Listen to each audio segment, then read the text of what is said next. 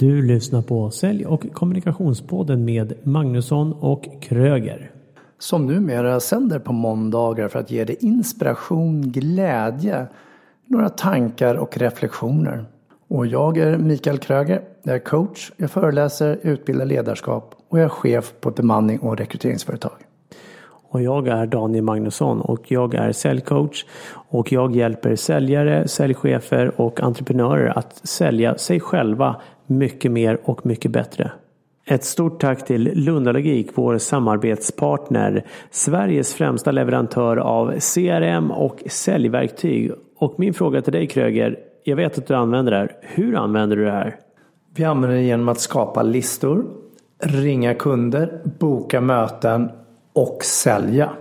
Skitbra system. Testa själv. Gör det på lundalogik.se gottsnack. Testar du med. Nu kör vi. Rock'n'roll.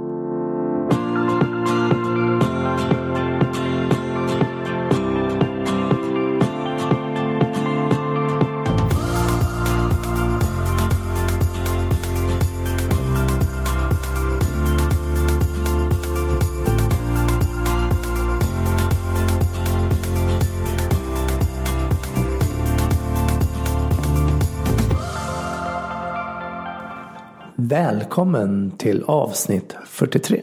Och idag ska vi prata om verksamhetsutveckling och lean. Jag är Mikael Kröger. Och jag är Daniel Magnusson. Och med oss i studion har vi en herre som arbetar med lean och processbaserad verksamhetsutveckling internationellt och i Sverige. Både privat och offentlig sektor.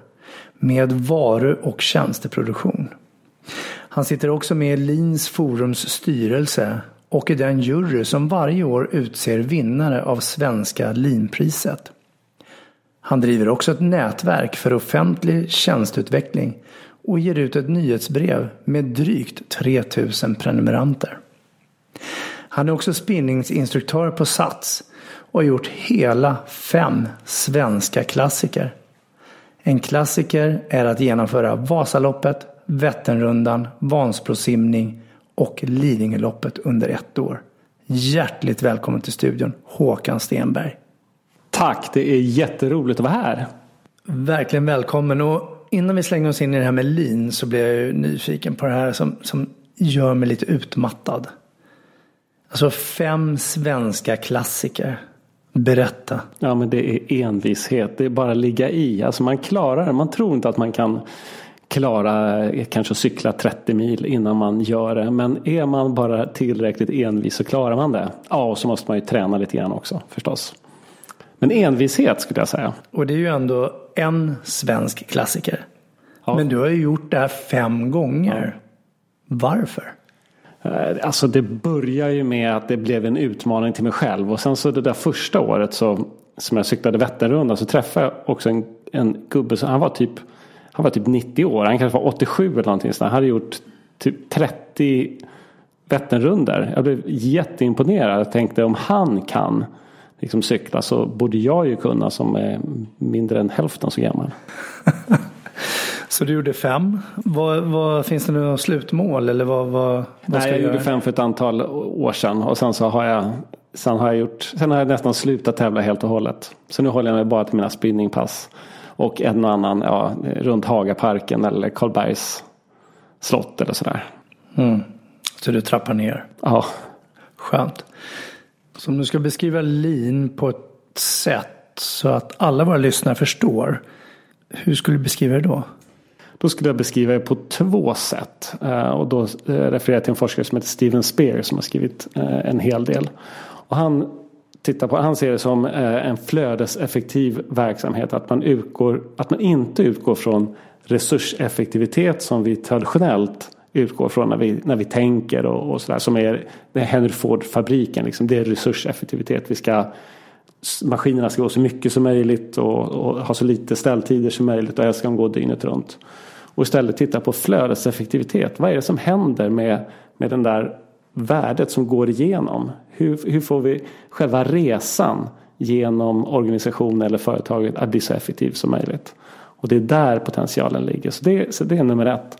att, att jobba för att få en flödeseffektiv verksamhet eller ha flödeseffektivitet som en verksamhetsstrategi. Och det andra som Steven Spear lyfter fram i sin forskning det är det här med, med eh, självförbättrande system kallar han det för. Alltså att alla medarbetare är med och jobbar med att utveckla verksamheten. Det är inte ingenjörer som sitter vid sidan om som det var på Henry Ford. Han, liksom, utan det är ju alla är med på alla nivåer i organisationen. Är med och utvecklar. Steven Spear kallar det för, för självförbättrande system. Andra kallar det kanske för ständiga förbättringar eller att alla, ja, alla medarbetare är med och utvecklar verksamheten. Och då får du de mest framgångsrika organisationerna. Så jag eh, blir nyfiken direkt så här med, med jag tror att det var Tetra Pak eller om det var Coca-Cola. Någon av de här stora giganterna, pratade om det här att information ska flöda fritt i företaget. Men de hemligaste sakerna, de håller vi hemliga. Men de var inte så många. Utan vi såg till att involvera många människor i själva informationsflödet. Och för mig blev det en så här, hmm, det är kanske är det du pratar om då. Att så många människor som möjligt ska vara involverade. Eh, kanske inte varje hemlig del eller hur vi nu ska uttrycka det. men just att jag kan bidra med mitt och på bästa sätt. Absolut, det handlar mycket om transparens i organisationer. Och en av som Toyota har i sina huvudprinciper är en som kallas för Jidoka.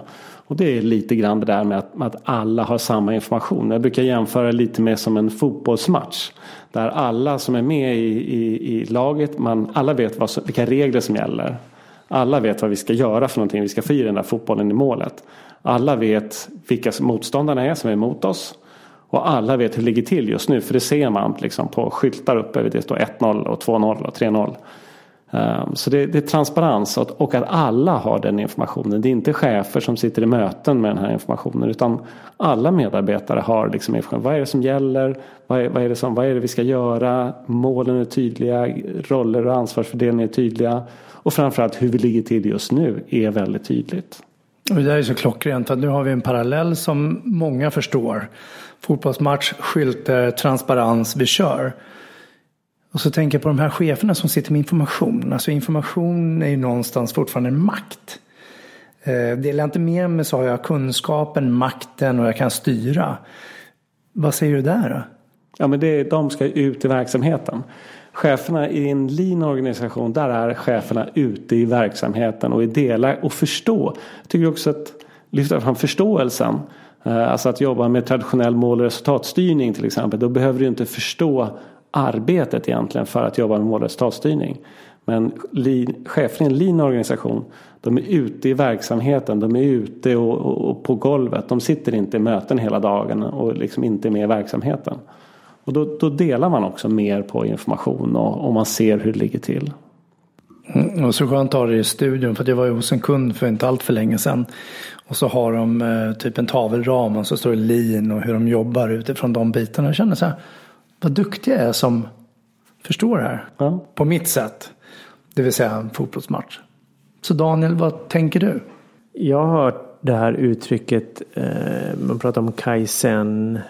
Eh, Tony Robbins pratar om can I, alltså constant and improvement. Eller never ending improvement. Just det. Är det också, eh, kommer det från lean också? Ja, det är det här ständiga förbättringar. Ibland så har så, eh, Toyota avbildar sina principer och, och sådär i ett hus många gånger. Men många gånger så är det ett, ett halvfärdigt hus.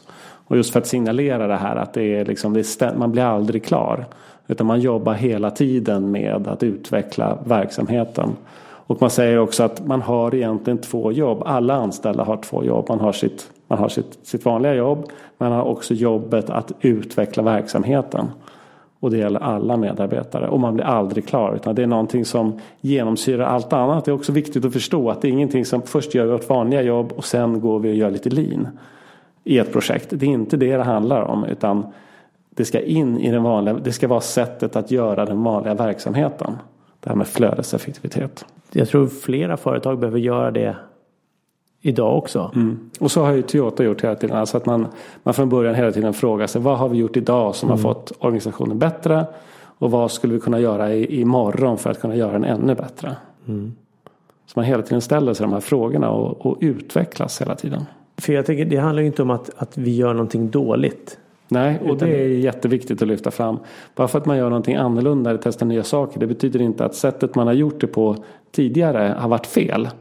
Uh, och den där attityden möter man ibland när man är ute och jobbar med förändringar i, i företag eller organisationer. Att en del av kanske lite äldre blir sura. Mm. Uh, och då är det viktigt att vara pedagogisk och försöka förklara det. att vi, Nu gör vi, testar vi det här. Och det betyder inte att det varit fel förut. Det kanske var rätt då. Men nu gör vi någonting annat. Ja, och, och ordet förändring är ju skrämmande för många. Mm. Och vi nämnde i något avsnitt att kalla det förbättring. Ja. Då blir också motivet väldigt tydligt. Ja. Det, det, är en förändring. Skälet och motivet är att det är en förbättring. Ja. Och då blir det jättetydligt när man gör så. Men visst är förändring eh, skrämmande. Jag såg en så här rolig bild på Facebook för ett tag sedan. Det var en, första bilden sa vem vill eh, ha förändring? Och då räckte alla upp handen. Och så nästa bild vem vill, ha, vem vill förändras? Då räckte ingen upp handen. Nej. för alla tycker att alla, allting ska förändras men inte jag. Vad är skillnaden då mellan, eh, det finns ju flera verktyg eller alternativ tänker jag. Mm. Eh, ISO, Balance Scorecard. Ja. Eh, Blue Balance Scorecard och vad ja. nu Alltså det finns ju många olika varianter. Vad, vad, alltså finns det någon skillnad? Finns det några likheter? Hur tänker du? Absolut, det finns det. Ska vi ta en i taget? Vad sa du först? Då tänkte jag på ISO. ISO, ISO 9001 kvalitet. Ja, precis. 14001 miljö. Och kvalitetsledningssystem var väldigt populärt för, för några år sedan. Är fortfarande populärt men kanske inte riktigt lika populärt som det har varit. Där eh, handlar det om att kartlägga sina processer och, och skriva ner rutiner på detaljnivå. Eh, lite av det där blev ganska mycket pärmar som stod i ett skåp och sen så ska man revidera en gång om året och då tog man ner de där pärmarna och dammade av dem. Och sen så började man fråga folk, jobbar ni så här egentligen? Nej, så gjorde de ju inte riktigt kanske exakt enligt den där som stod där utan nu gör de så här och så här istället. Skönt att du säger det för att om ett par veckor så har jag just ISO-revision på de vi har 9001, 14001 och 18001. Okay, så det, det, det är skönt. Jag, jag håller på att damma av pärmarna. Hoppas de inte lyssnar just nu. Jag håller på att läsa på ledningssystem och tittar på innehållet. Mm, tack, ja. då har vi särskilt den. Ja. Eh, de här andra Balance Scorecard. Och... Balance Scorecard handlar ju om ett sätt att styra och styrning är någonting som är väldigt, väldigt intressant och väldigt hett just nu. Eh, så, så Balance Scorecard är ett sätt att styra verksamheten och styrningen eh, kan man säga har, har har ju utvecklats väldigt mycket. Nu har vi, jag jobbar ju då, kanske ska jag sagt det från början, jag jobbar ju väldigt mycket med offentlig sektor. Och där har vi haft New Public Management under ett antal år som, ett, ett ja, som, som, som, som har styrt offentlig sektor. Vet du vad New Public Management är? Jag nickar ju fullt jakande ja. och hoppas på att du ska berätta det så att jag inte behöver Man kan sitta säga, med Public management är en slags, står för en slags, eh, om jag ska förklara kort, en marknadisering av offentlig sektor. Att vi, vi eh, skapar beställar utförarorganisation där man försöker efterlikna eh, privat sektor så mycket som möjligt. Men där man sett att man styr ofta åt fel håll.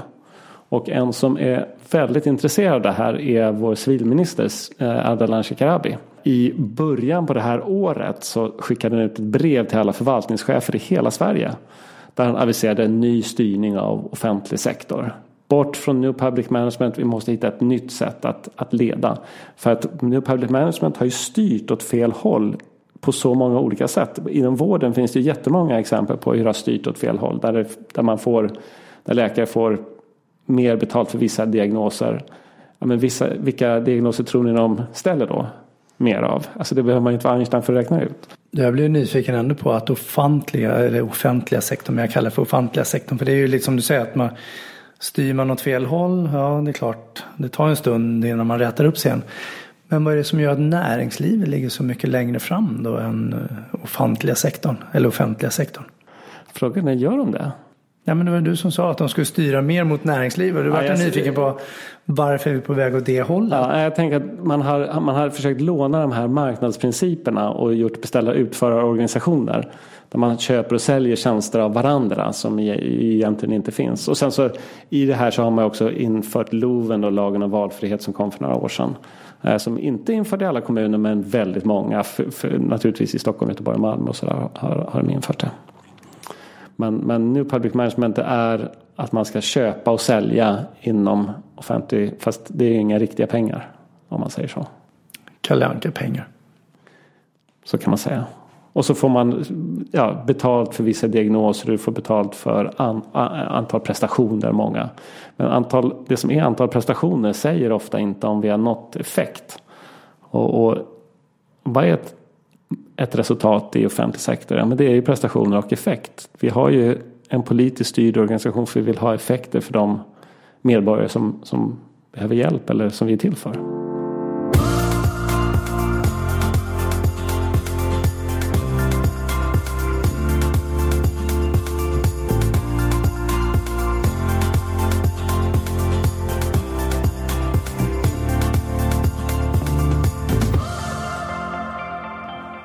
Håkan, vad är då skillnaden mellan privat och offentlig sektor?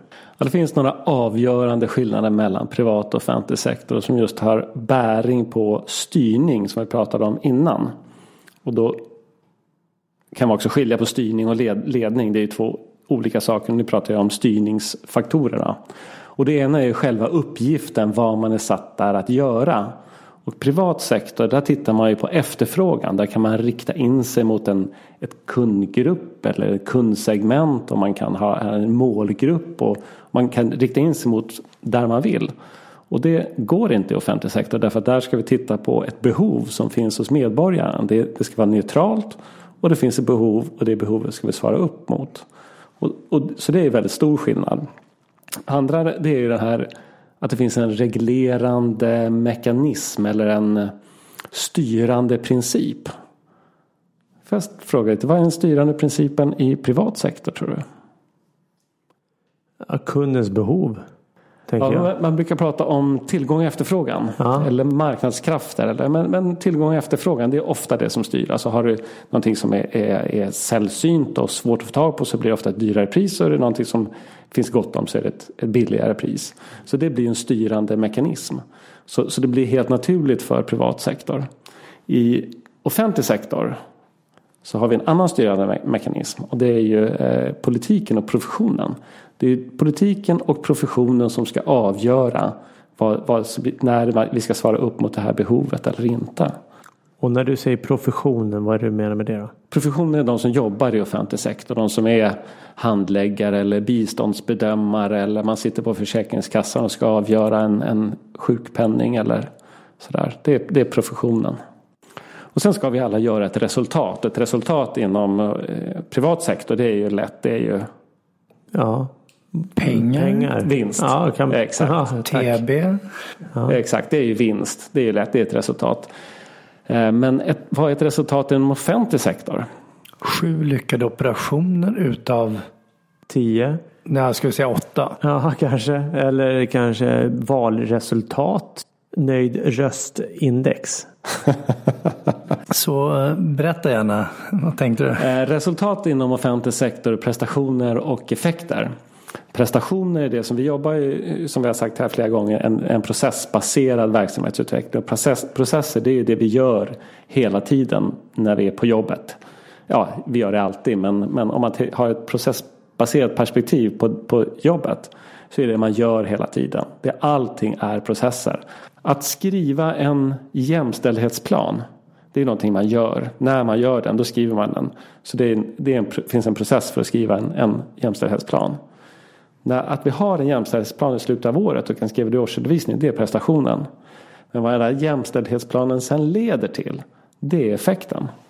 Så att mm. ett, ett, resultat i offentlig sektor är prestation och effekter. Effekter för medborgare och företag. Företag är också intressanta i offentlig sektor. Jag vet inte om du märkte det, men jag märkte att när du började prata om det här så vart din energi högre och det vart ett helt annat engagemang. Det känns som att det finns en liten eh, att det inte efterlevs riktigt som du säger att det bör göras. Så är det. Eh, det man räknar ofta och det här är ju avigsidan av det vi har pratat om tidigare nu, public management. Att det har blivit för mycket på prestationer. Alltså att vi räknar antalet pinnar eller antalet vad vi gör och sådär. Men vi mäter för lite vilka effekter det får. Och bara man har gjort ett visst antal gånger eller har så här många pinnar eller har så här många prestationer.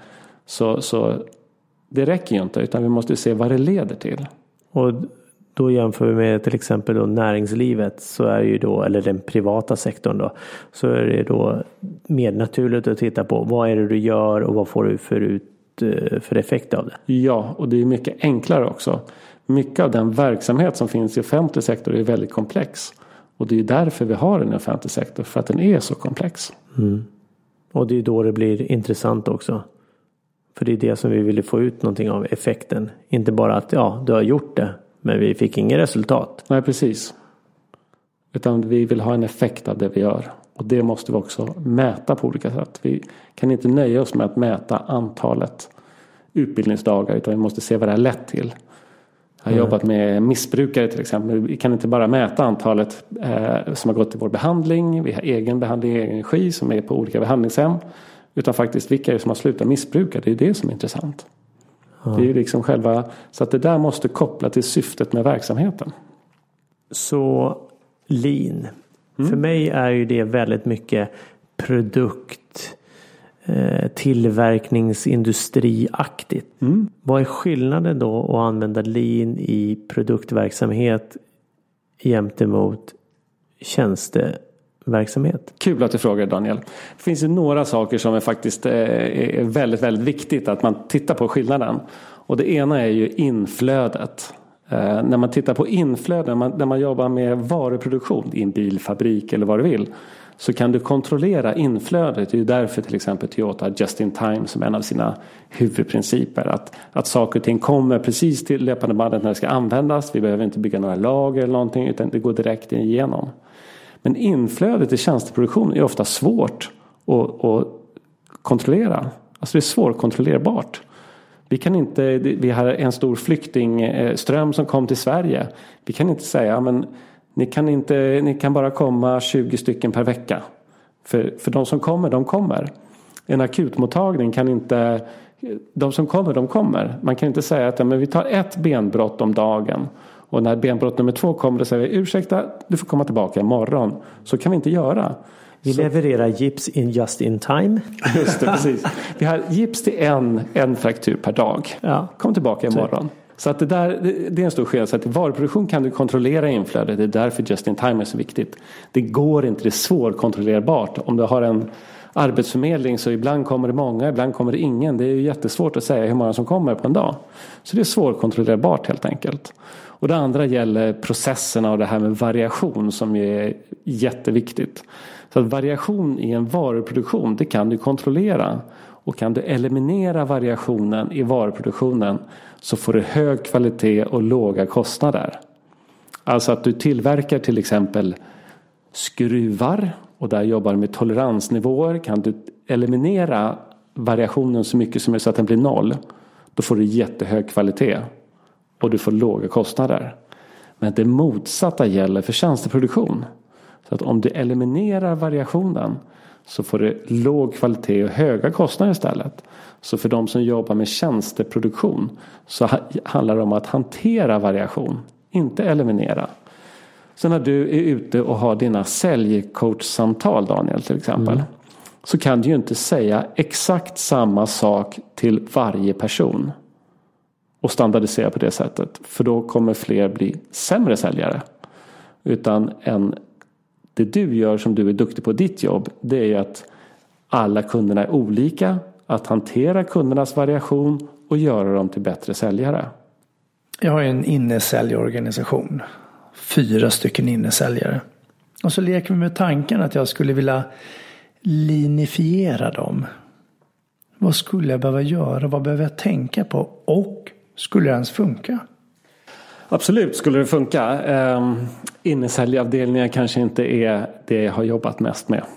Nej, så därför lär vi oss nu här. Exakt. Det här är en, jag hade börjat med att ställt mig i, i börjat med att titta på vad är kundvärde egentligen och verkligen eh, och ställt mig alltså utanför organisationen. Inte ha kunden i fokus för det har alla. Utan ha kundens fokus, alltså stå i kundens skor och titta in i organisationen. Vad är det egentligen de vill ha? Vad är det de frågar efter? Och sen kartlägga det värdeflödet. Vad är det som skapar mest värde av, av allt det här? Och hur kan vi göra det så, så effektivt som möjligt och undvika allt det som inte skapar värde för kunderna? Sen hade jag gjort en, en, en kundresa alltså genom organisationen. Tänk dig att du själv, och du kan själv göra en kundresa genom att enkelt ringa in till din egen kundavdelning eller låta någon annan, någon bekant göra det.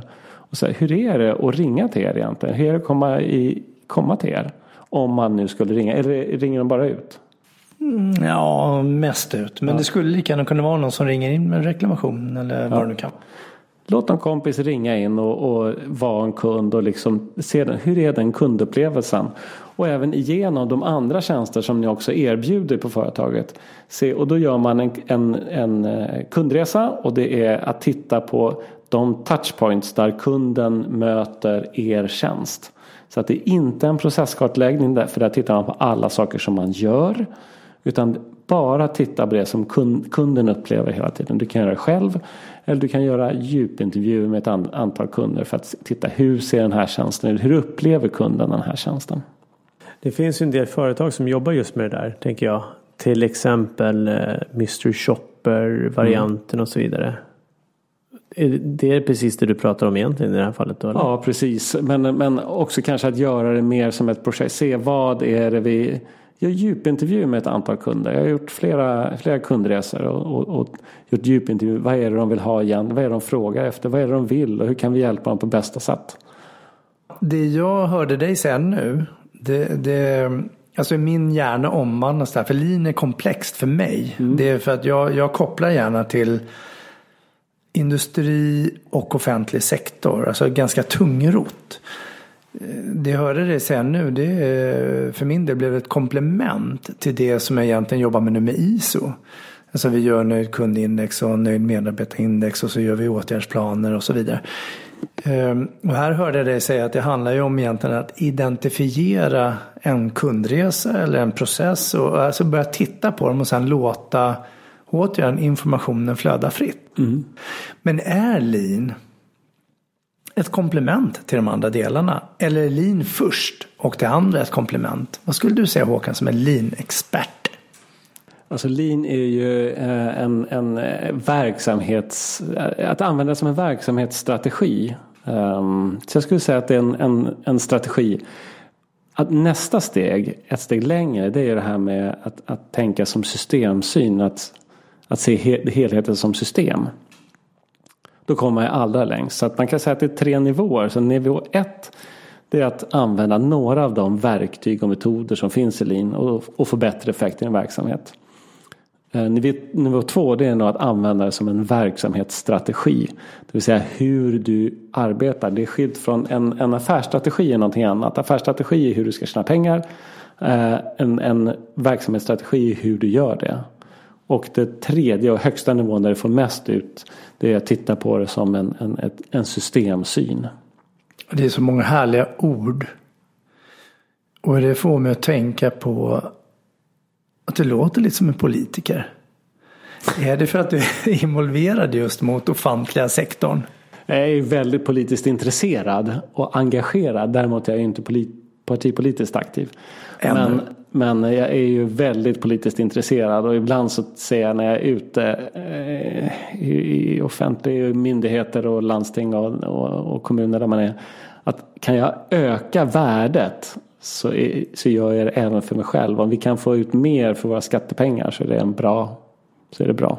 Så om du bara skulle ge två tips till privata näringslivet hur vi skulle kunna tänka lean. Jag säger inte att vi behöver implementera men hur vi skulle kunna tänka lean. Vad skulle du ge för tips då? Alltså, som är enkla. Enkla då så är det eh, tänk eh, flödeseffektivitet. Alltså hur blir resan, och då har vi pratat om kundresor och, och allting så här olika. Hur gör vi resan så bra som möjligt? För? Genom organisation. För flödesobjektet eller den som man är till för. Eller mm. kunden. Ibland det är det tre. Det kan ju vara en, en kund som går igenom.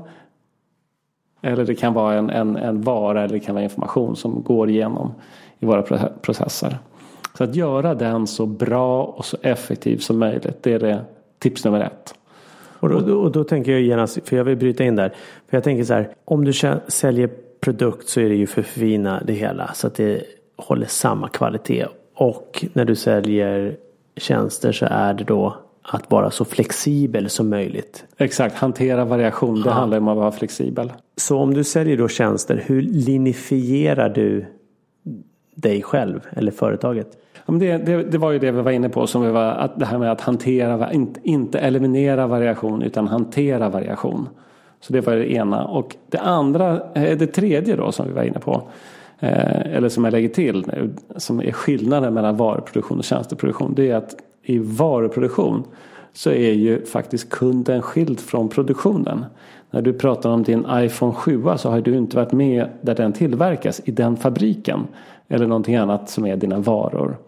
Men en tjänst är ju alltid en samproduktion. När du är ute och gör din säljcoachning Daniel så är det en, en resultatet när du är ute och gör en säljcoachning. Det är ju inte bara du och det är inte bara kunden utan det är faktiskt en samproduktion. Ah, där ramlar min 10 kronor ner. Tack. Så samproduktion, det är en samproduktion. i tjänsteförsäljning är samma sak som lean. Ja. Nästin, nästintill. Okej, okay, nu förenklar jag det lite väl mycket kanske. Men ja, jag förstår hur du ja. tänker, tror jag. jag förstår hur du tänker. Så du var inne i hans hjärna. Och Daniel har passerat 40-strecket drygt. Så att ibland tar det tid innan poletten trillar ner. Så åter tillbaks. Vad var andra tipset då? Det är ju att göra, skapa det som eh, Steven Spear kallar för självförbättrande system. Eller det man kallar för ständiga förbättringar. Eller Toyota kallar för ständiga förbättringar och sådär. Och vad innebär det? Självförbättrande system? Egentligen om du bara hardcore ska säga. Liksom, vad är det då? Att du kan engagera alla medarbetare på alla nivåer. Även VD. Och jobba med ständiga förbättringar. Att ständigt förbättra verksamheten och utveckla verksamheten. Då får du ett självförbättrande system. Det ger mig två frågor som du kan ställa till dig själv och din organisation. Vad var det bästa med dagens produktion eller dagens resultat? Och vad kan vi göra bättre imorgon? Exakt så. Och så enkelt skulle det ju kunna vara. Eh, jag bara tänker så här, men varför ska vi göra det så komplicerat? För det behöver inte vara så svårt. Men du utbildar det här. Ja, du föreläser om det här. Ja, jag är ute väldigt mycket. Vad hoppas du på att uppnå då? Alltså, du måste ha någon egen sån här lean-hjärna eller mission eller någonting. Eh, alltså en, en lean-verksamhet, där bor ju också medarbetarna ofta mycket bättre. Eh, man får en mer effektiv verksamhet. Jag jobbar med nästan bara med offentlig verksamhet. Vi får ut mer för våra skattepengar och mindre går åt till slöserier. Och det är det jag vill uppnå. Så när du är ute dina flera hundratals dagar om året och föreläser om det. Men förstår de andra det då? Eller tänker de bara så här, nu är det något system vi ska prata om igen och några nya verktyg och några nya diplom och så vidare. Nu är vi inne på förändringsledning och det är klart att det, så är, det, det, skulle vi kunna, det är en egen podd i sig själv att prata om förändringsledning. Men när du är ute så har du hela normalfördelningskurvan. Det är klart att av de som tycker att det här är jättekul och nu ska vi få börja utveckla verksamheten och nu får vi vara med. Och du har de som är längst bak som säger att det här har vi gjort förut, det här hörde vi förra året och det här är vi det här är helt emot. Och så har den där stora i mitten där som liksom som eh, sitter på läktaren och liksom väntar lite. Jag ska se om det här blir någonting innan jag anstränger mig. Och Armarna i kors. Armarna i kors, exakt. Jag väntar lite och ser, blir det något så kanske. Men, och det är den stora majoriteten liksom. Men du har ju hela normalfördelningskurvan när du är ute och jobbar med förändring i organisationer.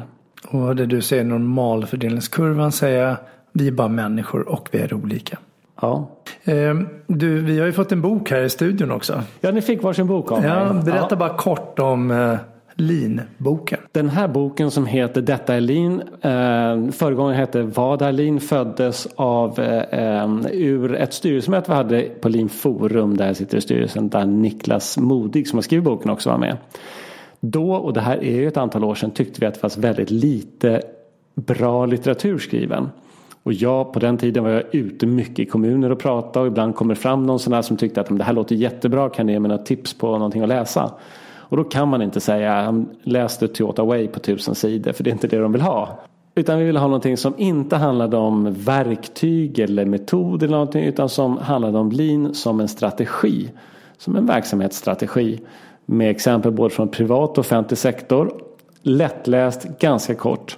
Första utgåvan som hette Vad är Lin? var 120 sidor tror jag ungefär. Jättebra. Sverige, året efter han hade skrivit den så blev det Sveriges mest sålda managementbok. Och sen så har han gjort en uppföljare nu som heter Detta är Lean som är, han har lagt till fyra kapitel. Då. Och jag tycker fortfarande det är en jättebra bok. Det är inte på någon låg nivå som handlar om olika FMS eller alla de här metoder och verktyg som man kan prata om. Utan det handlar om lean på strategisk nivå. Han har lagt till effektivitetsparadoxen och lite sånt där. Jag tycker det är en bra och lättläst bok som ni kan läsa under läslovet nu i höst. läslovet i höst. Så vi börjar med boken mm. och efter det så tänker jag någonstans, eller som jag gör när jag läser böcker om, om många olika saker. Så knycker jag det som är bäst för mig och så tänker jag att hmm, kan jag ta med det här till min organisation? Hur kommer de förstå det? Och sen kan vi prata om det. Mm. Men det, det, jag läser också jättemycket. Faktiskt kanske man inte ska säga här, men en av fördelarna då med att sitta i Linforum eh, styrelse jag får ju allt som skrivs om, om Lin. Eh, de böckerna och jag läser allt. Så du kan det? Ja, men jag är väldigt intresserad och precis som du så finns det finns ju bra grejer överallt. Det gäller att ta de bästa. Om det är så att jag sitter här och lyssnar och så känner jag så här, ja, det här behöver vi implementera. Det här vore bra för vår organisation. Hur ska vi kunna börja jobba mer lean via produkter eller och eh, tjänster? Kan man anlita dig? Absolut och då skickar man bara ett mail till mig på Hakan, eh, eftersom jag heter Håkan, Stenberg men eh, Stenberg stavas S-T-E-E -E, så det är två E i Stenberg. At actea med C, A-C-T-E-A.se. Informationen finns ju självklart på vår eh, hemsida magnussonkroger.se. Mm. Så lean har blivit från tråkigt i mitt synsätt till någonting väldigt spännande och intressant. Just att vi går in på en filosofi och en, ett, ett mindset att tänka att nu ska jag göra mig själv bättre. Jag ska göra organisationen bättre. Mm. För kunden. Oavsett om den är en medborgare eller en betalande privatkund. Vad skulle du vilja runda av med just nu till våra lyssnare? Ja, då ska vi repetera de här tipsen som vi har sagt. Ett, Använd lean som verksamhetsstrategi. Tänk flödeseffektivitet. Tänk resan genom din organisation. Två, skapa självförbättrande system. Det är de två sakerna som jag hade. Där, där du engagerar alla medarbetare. Tre, som ledare, var ute i organisationen, delta. Man, man, ska inte sitta inne på sitt rum eller inne i möten hela dagarna. Man ska vara med i verksamheten. Det finns linföretag faktiskt som har som eh, indikator som mäter tiden som chefen är ute i verksamheten. Och, och då är det ju mer tid man är ute i verksamheten desto bättre, inte tvärtom. Så du som är chef, du som är ledare, se till att vara ute i verksamheten och träffa dina medarbetare. Det är du tillsammans med dem som kommer göra jobbet. Som är skillnaden, som gör skillnaden. Kör hårt. Och ett eh, jättestort tack till dig Håkan Stenberg, vår egna linexpert. Tack så mycket, var jätteroligt att vara här. Och tack för boken. Jag ska läsa den under, ja. sa du höstlovet? Ja, exakt. Det har ju döpts om nu till läslov tydligen. Läslovet, linare läslov.